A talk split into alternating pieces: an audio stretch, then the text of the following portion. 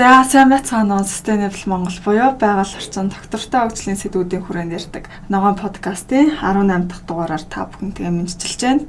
Тэгээд энэ удаагийн дугаараар уур амьсгалын өөрчлөлт хүний эрүүл мэндэд хэрхэн нөлөөлөд байгаа талаар ярилцахаар болсон байгаа.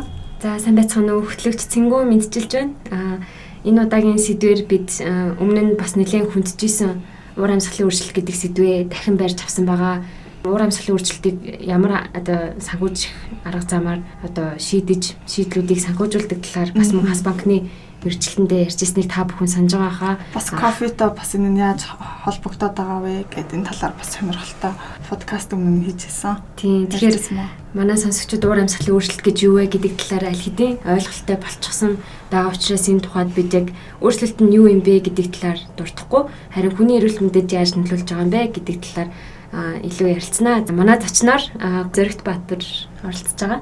Тавчхан танилцуулах.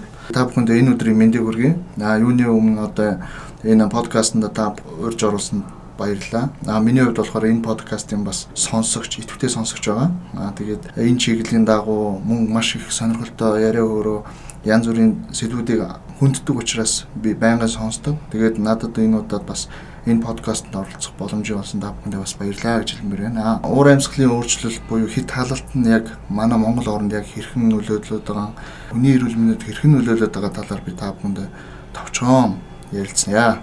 Миний бие болохоор ангаах ухааны шинжлэх ухааны үндэсний их сургуулийн нийгмийн эрүүл мэндийн сургуулийн орчин болон хөтөлбөрийн тэнхимдэр магистрийн зэргийг Улаанбаатар хотын хүн амын эрүүл мэндэд хит халтын нөлөөлөл хэрхэн нөлөөсөн нөлөөсөн бэ гэдэг талаар судалгааны ажил хийж хамгаалсан байнамаа. Тэгээд та бүхэн судалгаатай холбоотой бол бусад мэдээллүүдийг та бүхэнд чадан ядан хүргье.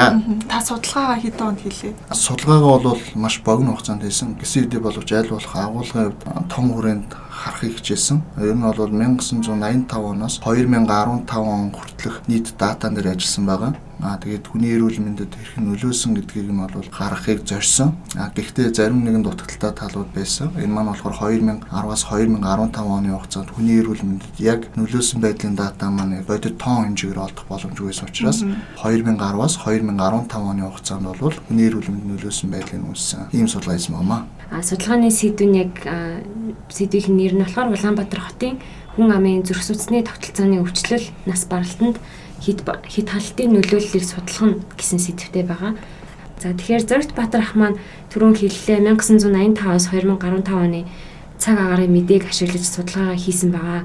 За тэгээ ингээд судалгаагаа хийгээд энэ цаг агаарын мэдээг харж байхад Монголын одоо нутаг дэвсгэр ер нь бүхэлдээ ингээд дулаараад байна уу эсвэл зарим нутаг дэвсгэр одоо илүү одоо зарим нэг байгалийн бүс бүслүүр илүү дулаарч гин үү Тэр талаар яг ямар юм гарсан бэ? Тэгээд судалгаа маань бол яг Улаанбаатар хотыг сонгож авсан байна шүү дээ. Яагаад Улаанбаатар хотыг сонгож авах болов?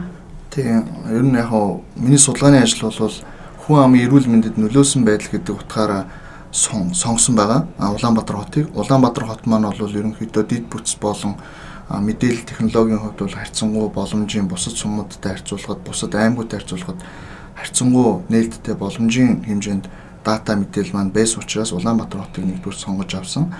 Төрүүний хэлсэн яг Монгол орны хувьд ерөнхийдөө ямар хуу төвшөнд байгаа вэ гэхээр алсын урт хугацааныхаа хувьд бол Монгол орн нь болвол дэлхий дээр байгаа хамгийн өндөр эрсдэлтэй 10 орны 8 дугаарт нь орж байгаа гэсэн юм судалгаа байдаг.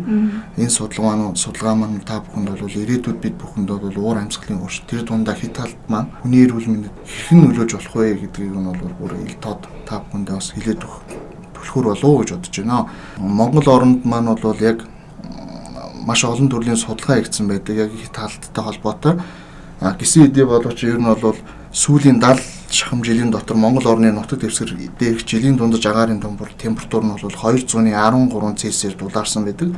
Энэ бол дэлхийн дунджаас даруй 3 дахин эрчтэй дулаарч байна гэсэн үг юм аа. Залуун өдрийн тоон болохоор олон жилийн явцыг үзэх юм бол 1975 оноос 2007 оны мэдээгээр авч үзвэл Монгол улсын зүүн хагаст болон их нууруудын хотгороор 10 жил тутамд 5-аас 4 8 өдрөөр нэмэгдсэн Харин Алтай хангаан уулархын нутгаар өсөлтийн хурд арай бага байсан. За халуун өдрийн тооны өсөлт өндөр уулын бүсэд орших цагуурын өртөөнөөс бусад 95%-аас дээш үнэмшилтэй гэсэн одоо ерөнхийдөө өндөр магадлалтай тийм байсан. Гисэн хэдий боловч тал, хээр, говь зөлийн бүсийн ихэнх нутгаар ерөнхийдөө 99% буюу илүү дулаарсан гэсэн тийм судалгаанууд байдаг. Улаанбаатар хотын үед бусад бүс нутгуудтай харьцуулахад дулаарлын хувьд ямар байсан бэ? 85-аас 2015 гэр 30 жилийн мэдээг харахад Улаанбаатар хот илүү дулаарч гинүү дулаарсан бол хэр их дулаарсан юм бол? Тийм, ер нь бол 85 оноос эхлээд 2015 оны хүртэл 30 жилийн өдөр болгоны дата дээр анализ хийж үзэхэд бол ерөнхийдөө жилээс жилд одоо халалт халалттай өдрүүдийн тоо маань ихсэж байгаа.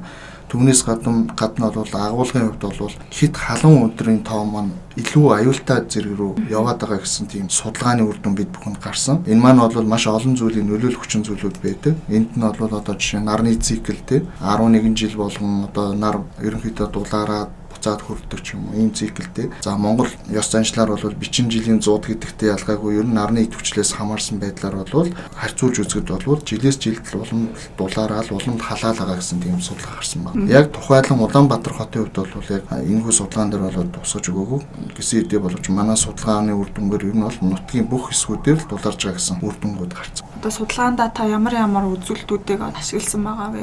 Одоо цаг уурын үзүүлэлтүүд Тэгвэл хүний эрүүл мэндэд ингэж нөлөөлж байгаа гэдэг голлох өвчлөлийнх нь одоо нэр судалгаандаа бол энэ маань өөрөө дотроо хоёр төрлийн сэдвийг агуулсан судалгаа болсон. А энэ судалгааны судалгааны маань нэгдүгээр хэсэгт нь болохоор ерөнхийдөө уур амьсгал болон одоо цаг ууртай холбоотой хоёр дахь хэсэг маань болохоор хүний эрүүл мэндтэй холбоотой мэдээ мэдээллүүдийг цуглуулах хэрэг болсон. Миний судалгаагаар бол бид бүхэн за ямар төрлийн одоо нэгж нэгж болон одоо ямар төрлийн нөлөөлөх нөлөөлөл маань ямар хэлбэрийн хэлбрээр нь бодвол илүү үр дүнтэй байх вэ гэдэг гаргалгаа гаргасан. Аа тэгэхээр энэ гаргалгаан дээр бол ер нь бол халууны хэмжих хамгийн бодиттой хэмжигдэхүүн маань болохоор халууны индекс гэж яригддаг. Халууны индекс гэдэг маань бол ямар хоёр нөхцөлийг барьдаг вэ гэхээр Цельс буюу халуун. За хоёрт нь бол агаардах чиглэлийн хэмжээ гэж байгаа. Тэгэхээр та бүхэн энгийнээр тайлбарлах юм бол бид бүхэн одоо Солонгост байгаа халалтыг Улаанбаатар хотод байгаа халттай харьцуулахад одоо шал өөр зүйл. Одоо магадгүй нэг нөхцөл байдал дээр тусгаад үзье л да. 28 градусд байгаа Улаанбаатарын халалт 28 градусд байгаа Солонгост байгаа халалт хоёрын хооронд хүний эрүүл мэндэд нөлөөлөх нөлөөлөл нь шал өөр гэсэн. Нэг үргэлбэл Солонгост бол саун сууж байгаа юм шиг их халалтыг хүн мэдэрдэг гэсэн.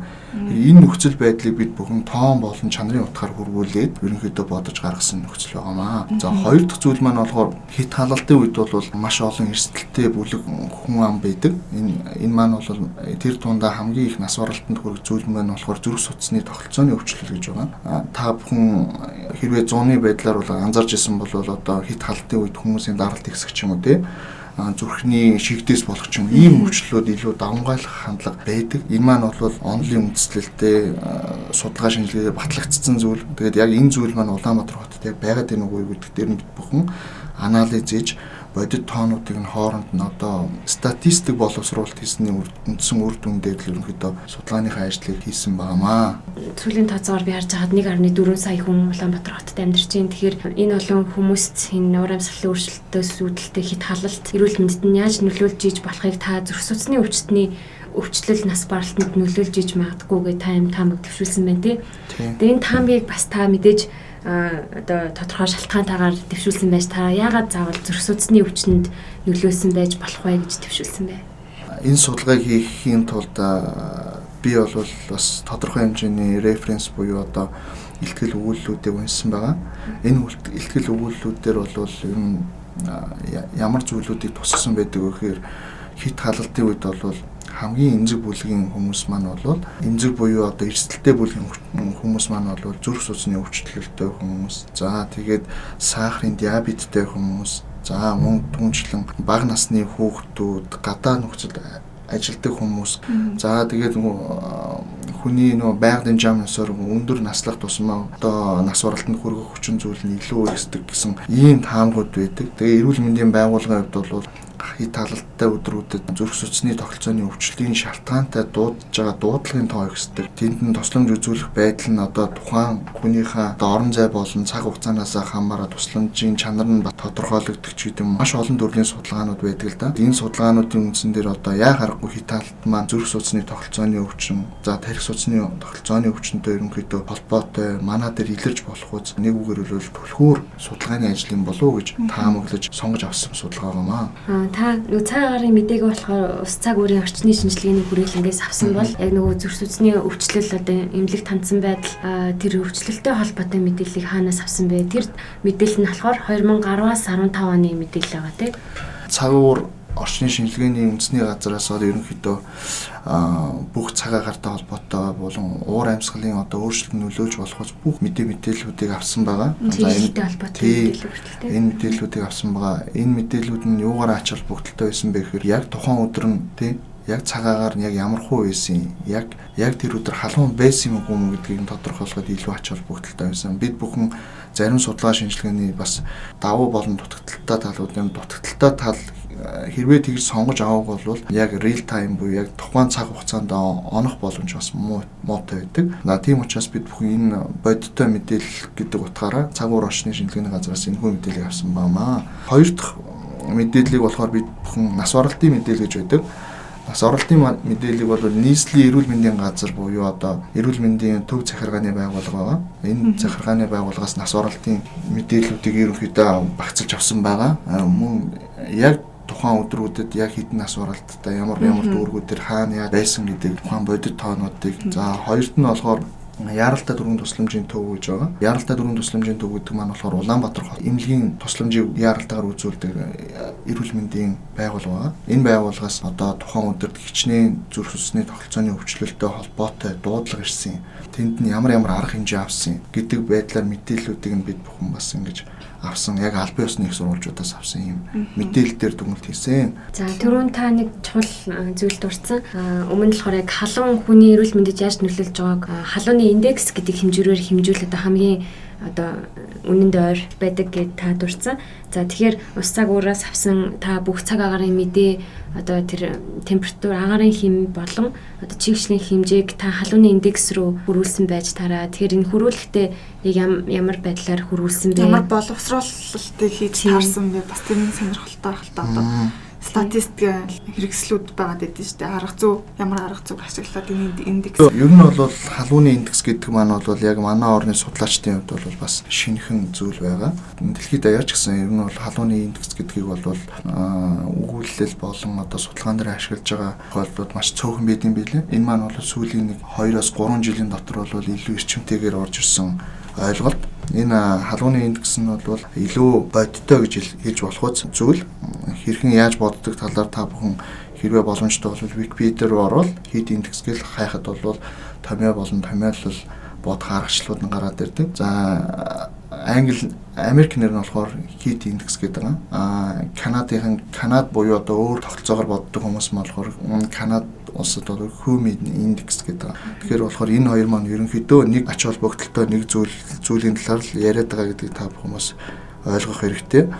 А халууны индекс халууны одоо нөлөөлөл гэдэг зүйл маань бол яг юугаараа ялгаатай юм гэдэг маань болохоор ерөнхийдөө ямар ч халууны нөлөөллийг хооронд нь чанарын болон тоон утгаар ерөнхийдөө үзүүлж харах боломжтой. Тийм нөлөөллийг үнэлэх боломжтой. Одоо нэг чанарын утгаар нь үнэлнэ гэхээр одоо яаж үнэлт юм бэ? Аа, чанарын утгаараа гэхээр одоо тухайн өдөр бол аюултай, нин аюултай, за анхаарах үз өдөр одоо анхаар анхаарах шаардлагатай гэсэн энэ дөрвөн ангилалд ерөнхийдөө оруулаад байгаа. Анхаарах гэдэг маань бол одоо ер нь бол нэг 28.2 градусаас ерөнхийдөө эхэлж байгаа. Аа, ер нь бол энэ өдрүүдэд бол илүү аюултай байж болох. За одоо үнэхээр аюултай онцгой аюултай өдрүүд гэх юм нэн аюултай өдрүүд гэх юм бол одоо ерөөсө халууны индекс маш өндөр байгаа. Тэгэхээр бол нийгмийн эрүүл мэндийн болон одоо нутгийн засаг захиргааны байгууллагууд энэхүү судалгаануудын үр дүн дээр ямар арга хэмжээг авдаг вэхээр ерөөсө тухайн бүс нутаг дээр бол одоо хүмүүсийг гарч ажиллах ч юм уу гадуур явахыг нь хориглох ч юм уу тийм арга хэмжээнүүдийг авах хуц хэмжээнд одоо критерий буюу одоо нэгжээр нь үзүүлж харуулдаг тийм өслүүдийг л ерөнхийдөө харуулдаг юм л да. Халууны индексээс гадна тас халууны долгион гэж нэлээд ярьсан байсан. Тэр талаар бас сонирхол heat wave гэж тийм heat wave гэдэг. Heat wave гэдэг нь маань бол ер нь бол манай судлаачид бас ашиглаж байсан урд нь. А heat wave гэдэг маань бол одоо халууны долгион гэж яригдаад байгаа. А нэг өдөр хүн халалтанд өртөхөөр хоёр өдөр дамнаж өртөхөөр 3 өдөр дамнах өөр гэдэг маань бол нэг үгээр л дам хамжих нөхцөл байдлыг үүсгэх боломжтой гэсэн үг. Нийтдээ манай Монгол орны хувьд бол 2010 оны 7 сард бол яг ийм heat wave-тэй өдрүүд тохиолж исэн байдаг. 2010 оны 6 7 дугаар сард талсан одоо өдрүүд байдаг. Тэр дундаа бол халууны долгионтой өдрүүд буюу нийтдээ 8-аас 10 хоногийн хугацаанд ан халуун өдрүүд үргэлжилсэн нөхцөл байдал бас байж исэн байгаа маа. Тэгэхээр бол олон хоног үргэлжилсэн халуун маань хүний эрүүл мэндэд илүү аюултай гэсэн нөхцөлийг бол бид бид бүхэн хит бэвэр өргөдөө гаргаж ирсэн. Халууны долгион. Тэгэхээр нөгөө халууны индексийн ач холбогдол нь зүгээр л одоо агарын хэмээр өдрүүдийг харьцуулахаас арай өөр болж ирдэг бах тий. Жишээ нь одоо жилийн сарын 1 30 хоног байлаа. Тэгээд температурын хамжигсаалт байна тий. За тэгвэл тэр температур болон бусад цаг агарын мэдээг та хит индекс буюу халууны индекс рүү хөрвүүлчихээр зүгээр одоо чинь тэр тухайн сарын хамгийн халуун өдөр нь бас хамгийн халууны индекс өдөртэй болж таард юм уу эсвэл ялгаатай байд юм уу? Бас шууд хамааралтай байдаг бахал. Тийм агарын хит хит индексийнхээ нэлээ нэг үзүүлэлт нь болоод өгчдөг болохоор. А энгийнээр тайлбарлах юм бол хэдийгээр температур адилхан боловч шийглэгийн хэмжээ өсөд байх юм бол халууны индексийн маань буюу хүний эрүүл мэндэд нөлөөлөх байдал нь арай өөрөөр тусдгаа эрсдэл багтай гэж ойлгож болох юм. Шийглэг багтай өдрүүдэд болохоор эрсдэл арай багтай гэсэн утгыг үүнтэй илэрхийлээд байдаг л та. Бацаад нөгөө таамаг руугаа би ормоор юм л та. Бас нөгөө тэр зүрс нөгөө та хэлжсэн хит халтанд эмзэг бүлгүүд гэж байдаг. Тэрэнд нь одоо судасны өвчтэй хүмүүс ерөөхдөө ордгоо гэж. За тэгвэл өөр судасны өвчнөөс гадна хит халт нь бусад өвчин эмгийг идэвхжүүлдэг үү? Эсвэл ганцхан л судасны өвчин ер нь голдуу байд юм уу? За ер нь бол судалгаа шинжилгээнд дээр үзсэн байдлаар нь дүгнэж хэлэх юм бол хамгийн их одоо зүрх судасны тогтолцооны өвчлөл нь бол хамгийн их одоо нас баралтанд хитаалтын нөлөөгөөр нас баралтанд хүрэх нөхцөл байдал байдаг. За хоёрт нь бол тарих судасны өвчлөл, гуравт нь бол дотоод шүрлийн өвчлөл, дөрөвт нь бол сэтгцэн эрүүл мэндтэй холбоотой өвчлөл, тавд нь бол одоо дотоод шүрлийн тогтолцооны өвчлөлүүд гэсэн ийм байдлаар ерөнхийдөө илүү эрсдэлтэй бүлэг гэж үзээд байгаа. Одоо энэ суур өвчтөй хүмүүс маань бол хэд халалтанд өртөх юм болвол нас барах магадлал нь бусдаас хамаагүй өндрөө гэсэн ийм судалгааны үр дүн байгаад байгаа. Эрсдэл одоо нэг үгээр өртөмтгий буюу аюултай бүлэг гэж хүмүүс байгаа. Аюултай буюу одоо өртөх боломж ихтэй. Тэр өртөх боломж ихтэй хүмүүс гэдэг маань бол за гадаа орчинд ажилладаг хүмүүс ч юм уу тий. Одоо гадаа орчинд ажиллана гэхэд одоо бидний нөхцөл байдалд бол гадаа орчинд одоо юм зараа сууж байгаа ч юм уу тий. Ийм нөхцөл байдлууд за мөн түншлэн гадаа ажил үүргийн үүргийнх нь байр нь бол гадаа байдаг хүмүүст бол илүү аюултай байх боломжтой. Тэгэхээр бол бид бүхэн аюулгүй ажиллагааны болон бусад одоо стандарт дүрм журам дээр бас энэ төрлийн тогтвортой хөгжил байгаль орчны тухай Sustainable Монгол подкастыг та сонсч байна.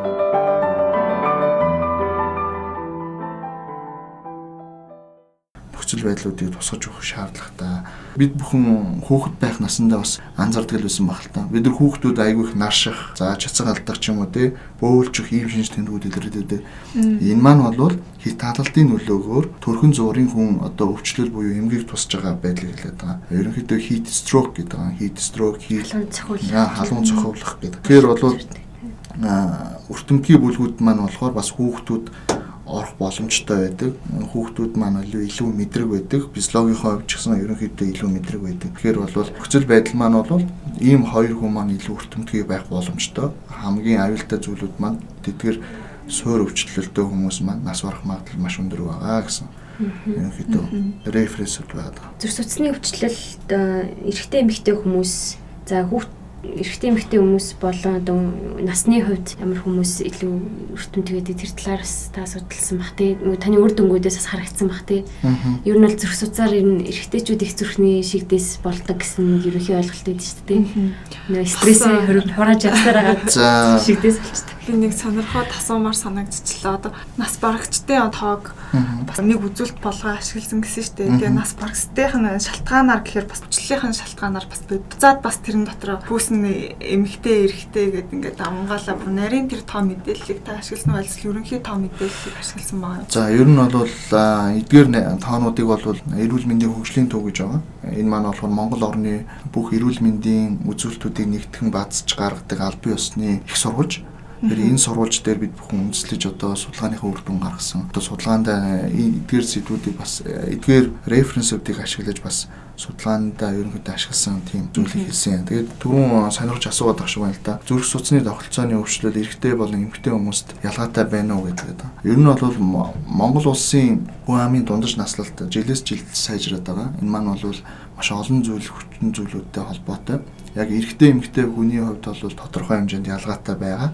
Тэр нь бол нөх айхтар зөрүүтэй бол биш. Аа гэхдээ хамгийн аюултай зүйл маань юу вэ манай зүрх судасны тогтолцооны өвчлөлөөр нас барж байгаа нас баралт маань номер 1 яваад нийт одоо нас баралтын шалтгаанууд дундаа номер 1 яваад байгаа гэсэн үг.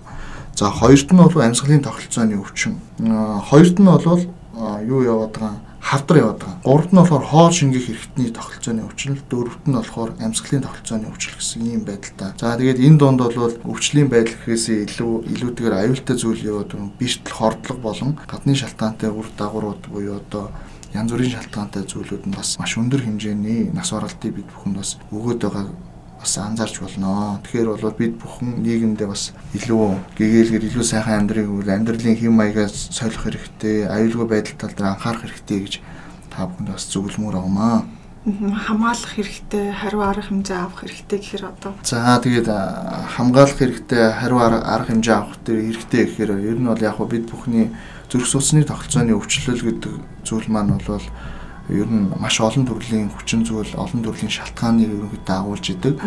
За ер нь бол сүүлийн судлаачдын хэлж байгаагаар бол хамгийн их одоо аюултай байж болох зүйл маань бол хит таргалт таргалтын энэ маань болохоор яадаг вэ гэхээр цуснд одоо өөх болон тосны хэмжээг ерөнхийдөө ихсгээд идэг. Энэ маань бол тухайн одоо хүнийхээ суц болон одоо тэнд нь бол янз бүрийн зүрх судасны тогтцооны өвчлөлийн их үүсвэр одоо булаг нь болох боломжтой. Ер нь бол хамгийн том шалтгаан хэлэх хэрэгтэй байна. Тэгэхээр бол э, энэ магадгүй бид бүхний одоо одоо энэ үзүүлээд байгаа статистик дүндээж бас хамааралтай байх боломжтой тийм. Тэгэхээр энэ талаар бол манай судлаачид бас илүү дэлгэрэнгүй судалсан сайхан сайхан судалгаанууд үүдэг. Тэрийг бас сонирхож үзвэл бас боломжтой байна. Судалгааныхаа яг гол үр дүн гаргаж авахын тулд та судасны өвчлөл нас баралтын тоог одоо халууны индексийн одоо өндөртэй өдрүүдтэй харьцуулж нөгөө нэг correlation хийсэн бат корреляц хийсэн хамаарал хамаарал хийсэн бат. Тэгэхээр тэр хамаарлыг ямар гарсан бэ? Ер нь тэгэхээр судалгааны үр дүн маань юу гэж гарсан бэ? Энэхүү судалгааны маань үр дүн ерөнхийдөө бидний таамаглаж ирсэнтэй бас таамаглаж ирсэнээс бас тодорхой хэмжээнд зөрсөө. Энэ маань бол бас маш олон төрлийн хүчин зүйлүүд нөлөөсөн байх боломжтой гэж бид бүхэн судалгааныхаа төгсгөлд үзсэн. Ер нь бол гадны судалгааны бүх судалгаанууд дээр одоо яхаарахгүй хит талдын нөлөөлөл маань бол зүрх судасны тогтцооны өвчлөл болон нас баралтад нөлөөлдгөө гэсэн тийм нөхцөл байдлууд үүссэн болвол бид бүхний таамаг маань бол харьцангуй бас ерөнхийдөө арай өөр дүгнэлт гарсан байгаа. Одоогийн байдлаар бол бид бүхэнд яг тодорхой хамааралтай статистик нөхцөл байдал бол үсээгүй байна. Гэсэн хэдий боловч ирээдүйд хит хаалт болох юм бол энэ төрлийн нас баралтаар бол хүмүүс гарцаа байхгүй нас барна гэсэн тийм ерөнхийдөө судалгаа бол тайлгнаж хэлэхэд бол тийм судалгааны үр дүн гарсан байнамаа нэмэлтээр бас нэг мэдээлэл хэлэхэд уур амьсгалын өөрчлөлтийн үндэсний хөтөлбөр гэж байдаг байгаа. За энэ хөтөлбөр нь болохоор 2011 онд ерөнхийдөө батлагдаад салбар болгоно одоо уур амьсгалын өөрчлөлтийн үр нөлөөг сааруулах, үүнд тасан цогцох арга хэмжээ бууруулахад ямар ямар арга хэмжээ авах вэ гэдэг чиглэлүүдийг тусгасан байдаг. Тэгээд техний хэсэг нь болохоор 2011-ээс 16 он хүртэл болоод дууссан. А хоёрдугаар хэсэг нь болохоор 2017-оос 2021 он хүртэл ерөнхийдөө одоо үргэлжлээ явж байгаа юм билээ. Тэгээ өнөөдрийн бидний ярьсан уур амьсгалын өөрчлөлтөөс үүдээд хүний эрүүл мэндэд одчорч болох аюул эрсдлийг эрт сэрэмжлүүлэх тэгээ хариу арга хэмжээний үр дүнг дээшлүүлэх чадварыг бас эрүүл мэндийн салбар бас авж байгаа байх. За тэгвэл үнийгээ дагаад гуур амьсгалын өөрчлөлтөөс үүдээд хүний эрүүл мэндэд очиж болтлох одоо аюул эрсдлийг хурдан шуурхаа авах эрүүл мэндийн тусламж үйлчилгээг сайжруулах тэгээ чадамжийг нь бас ингээ нэмэгдүүлэх арга хэмжээг эрүүл мэндийн салбар авж байгаа юм билэ. Тэгвэл уур амьсгалын өөрчлөлтөөс үүдээд энэ эрсдлийг нь эртнээс одоо сэрэмжлүүлэх одоо эрт илрүүлэх мэрэгжилтэн боловсон хүчнийг бас сайжруулах тал дээр ажиллаж байгаа гэсэн нэг тийм стратеги бас явд юм бэлээ. Тэрийг бас сонирхуулж хэлвэл бас зүгээр ах гэж бодлоо. Аа Зоригт Баатар ах бас энэ судалгааг хийхэд танд нөгөө хоёр ялгаатай тэнхмийн зөвлөхүүд хэрэгтэй болсон байх. Нэг нь болохоор орчны эрүүл мэндийн тэнхим, нөгөөх нь зүрх судасны тэнхим тий. Тэгэхээр бас хоёр тэнхмийн багш нар таны судалгааг хэрхэн хүлээж авсан бэ? Тэгээ ер нь та энэ талаар таны судалгааг цааш үргэлжлүүлж залуу судлаачд бас хийгээсэ гэж боддгоо. Энэ бол яг миний одоо өстө ганц хүсэж байгаа зүйл. Яагаад хүсэж байгаа вэ гэхээр одоо залуу судлаачтайгаа би өөрөө яг судалгааны ажлаа хийгээ явж байхад маш сонирхолтой гэдгийг өөр өөрийн биеэр мэдэрсэн. Хоёрт нь бол хэрвээ ямар нэгэн судлаач маань хин нэгэн маань одоо энэ энэхүү судалгаа үргэлжлүүлээ гэхэд миний бие бол бүрэн нээлттэй. Төрөний асуусан асуултанд бол яг хөө миний эрдэм шинжилгээний ажлын зөвлөхөр болохоор физикийн ухааны доктор Ил Гомлуудуу гэдэг ус загвар уршны шинжилгээний ерөнхий газрын одоо эрдэмтний нарийн бичгийн дарга. За эрдэм шинжилгээний ажлын удирдагчаар бол анагаахын шинжилгээ ухааны доктор профессор Б Бурмажо гэсэн эдгээр хүмүүс ажилласан байгаа. Ер нь бол хилцүүлгүүд дээр бол маш олон төрлийн хилцүүлэг болон одоо хамгаалтууд дээр орсон. Энэхүү судалгаа хийхэд бол маш олон төрлийн мэдээллийг авах шаардлагатай байсан. Би өөр анагаахын одоо чиглэлээр сурсан байна. Хүний хувьд болохоор одоо их дэлхийн маань одоо нараа яаж тойрдгийг гэдгээс баг ихсэн гэж хэлэхэд болно. Тэгэхээр бол маш их олон төрлийн мэдээллийг авсан маш сонирхолтой байсан. Аа тэгээд миний хувьд бол энэхүү судалгааны ажлыг үргэлжлүүлэн явуулах боломж бололцоо одоохонд бол хараахан алга байна. Аа гэсэн хэдий боловч хэрвээ энэ чиглэлээр сонирхож байгаа залуу судлаачтай бол байх юм бол арга зүйн хувьд эдийн засгийн хувьд бусад зүйлээр ерөнхийдөө холбоо харилцаа холбооч гэдэг юм уу тийм энэ зүйлүүдээр туслахад бол бүр бэлэн байгаагаа та бүхэнд бас илэрхийлмээр байна. Хэрвээ тийм хүн байвал одоо хандаарай гэж хүсмээр байна уур амьсгалын өөрчлөлтөөс үүдээд хүний эрүүл мэндэд шууд үзүүлэх нөлөөллийн талаар дараагийн дугаараар ярилцлаа. Бас хүний эрүүл мэндэд үзүүлэх дам нөлөөлөл бас гэж байгаад байгаа. Энэ нь тэгвэл хөдөө аж ахуйн бүтээгдэхүүний үйлдвэрлэлээс үүдэх ургацсан хураалт буурах, тэгээ ариун цэврийн нөхцөл байдлын улмаас унтны умсны хомсдол, тэгээ баталгаагүй ус болон яг уур амьсгалын өөрчлөлтөөс нь одоо эрсдлээр нь дамжиж илэрч байгаа бусад дам нөлөөллүүд бас гарч болдог шүү гэдэг дараагийн дугааруудаар бас бид нэр ярилцаад явах болно. Энэ удаагийн дугаараар оролцсон Зөрөгт Баатарт баярлалаа. Дараагийн дугаараар та бүхэнтэйгээ илүү сонирхолтой дугаараар бас оролцох болно. За та бүхэнд баярлалаа. За баяртай.